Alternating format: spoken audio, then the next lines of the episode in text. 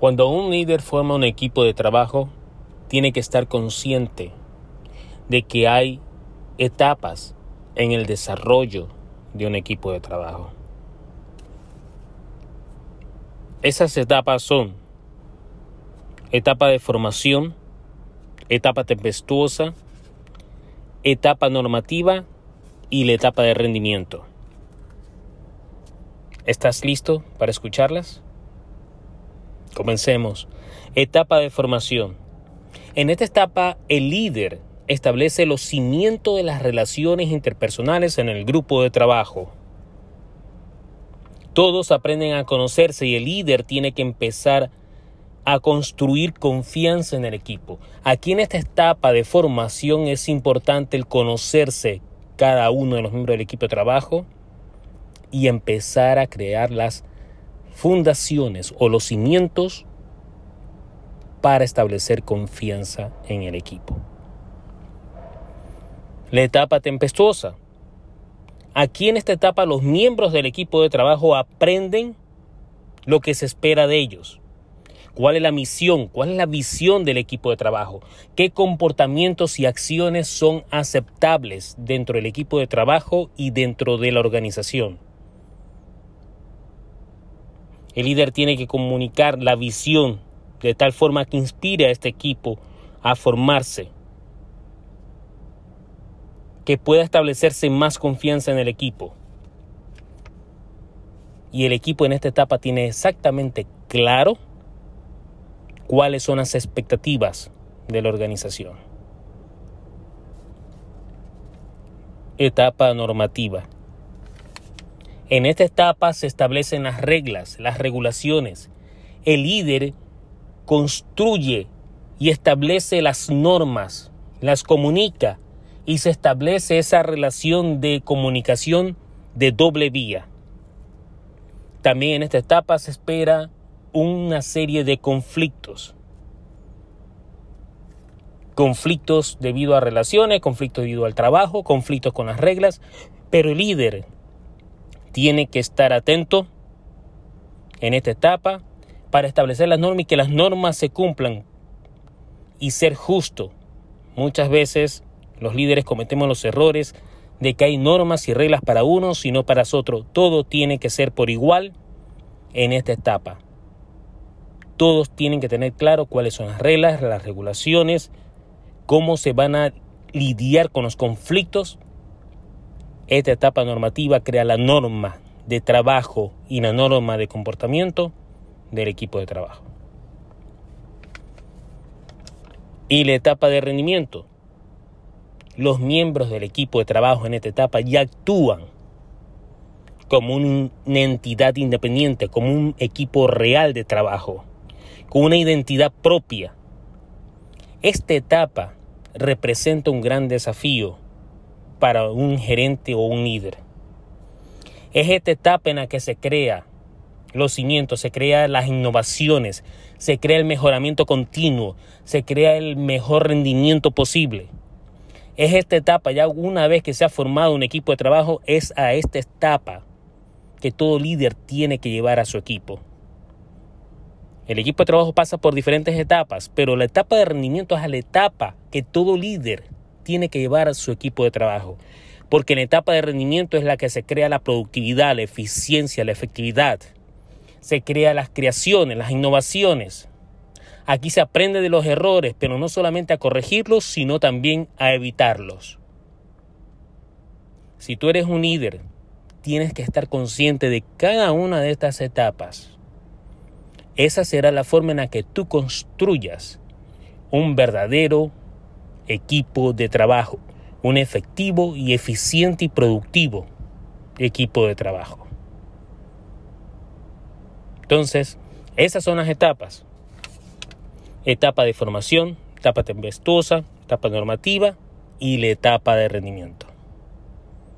Ahora tú como líder Pon en prácticas todas estas etapas. Sé consciente de cómo tu equipo de trabajo va a moverse desde la etapa de formación a la etapa de rendimiento.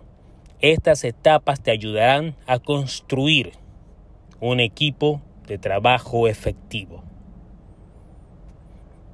Espero que te sirva este episodio. Si te gusta, comenta. Si te gusta, compártelo con otros líderes, gerentes y supervisores. Y si tú eres nuevo en el área de gerencia y liderazgo, espero que este episodio te pueda servir para tener una idea clara de cómo se construye equipos de trabajo efectivos en una organización. Soy Freddy Guevara y hasta la próxima. Tres áreas que tú tienes que desarrollar para formar equipos de trabajo efectivos en tu organización. ¿Cuáles son esas tres áreas? Aquí van. Número uno, desarrolla las capacidades de tu equipo. ¿Qué significa esto? Tú tienes que desarrollar a tres niveles las capacidades de tu equipo. A nivel de conocimiento, habilidades y actitudes. Es decir, tú tienes que establecer claramente qué tipo de conocimiento, qué tipo de habilidades y qué tipo de actitudes tú quieres desarrollar en tus equipos de trabajo para lograr los objetivos de la organización. Es necesario, imprescindible, que tú como líder sepas claramente cuáles son los conocimientos, las habilidades y las actitudes que tú quieres que tu equipo de trabajo adquiera, desarrolle y perfeccione. Número dos, tienes que aprender a cómo lidiar con los conflictos. Y en toda organización te vas a encontrar con tres niveles de conflictos. A nivel de actividades, a nivel de procesos y a nivel interpersonal. A nivel de actividades, porque muchas personas que no se sienten cómodas o bien haciendo o desarrollando determinado tipo de actividad. Surge un conflicto de actividades que tú tienes que resolverla. De tal forma que si tú conoces a los miembros de tu equipo, tú sabrás a quién dedicas para realizar determinadas actividades. Tú tienes que prácticamente alinear las capacidades de los miembros de tu equipo de trabajo con las actividades que tienen en tu organización. Conflictos con procesos. Hay empleados y nosotros sabemos que hay personas que no siguen los procesos y si no siguen los procesos no podemos lograr los resultados que se esperan. Es por eso que tú como líder tienes que aprender a lidiar con esos conflictos en los procesos y asegurarte de que ellos sigan los procesos y procedimientos de la organización. Y los conflictos interpersonales no podían faltar. Somos seres humanos y a veces las personas vienen con sus propios dramas al trabajo, hay enfrentamientos y tú tienes que aprender a lidiar esos conflictos interpersonales de tal forma que no afecten el ambiente de trabajo y no afecten a otros miembros de tu equipo. Número 3. Mejorar la efectividad de tu equipo de trabajo. ¿Cómo lo haces? Número 1. Valorando los resultados de tu equipo. Así sean pequeños logros, pequeños resultados positivos, tú tienes que valorarlos. Número 2. Aumenta la cooperación es muy importante que un equipo de trabajo trabaje en conjunto, que coopere y que colabore los unos con los otros. Tienes que asegurarte de que todos estén cooperando para lograr el objetivo planteado. Y número tres, importante, aumente el sentido de pertenencia. Todos queremos ser parte de algo más grande. Todos queremos sentirnos de que pertenecemos a un grupo, de que pertenecemos a algo que es más grande que nosotros mismos individualmente. Tú como líder tienes que crear ese sentido de pertenencia. Es como un club, es tu propio club privado, es, es como una tribu, es, es tu grupo y todos los miembros de tu equipo de trabajo tienen que sentirse de tal forma, tienen que sentirse con, con ese sentido de propiedad, de pertenencia, pertenezco a esto, con este propósito, con este objetivo sentido de pertenencia es muy importante para desarrollar equipos de trabajo efectivo. Vamos a resumirlo. Como líder tienes que cubrir estas tres áreas. si quieres desarrollar equipos de trabajo efectivo.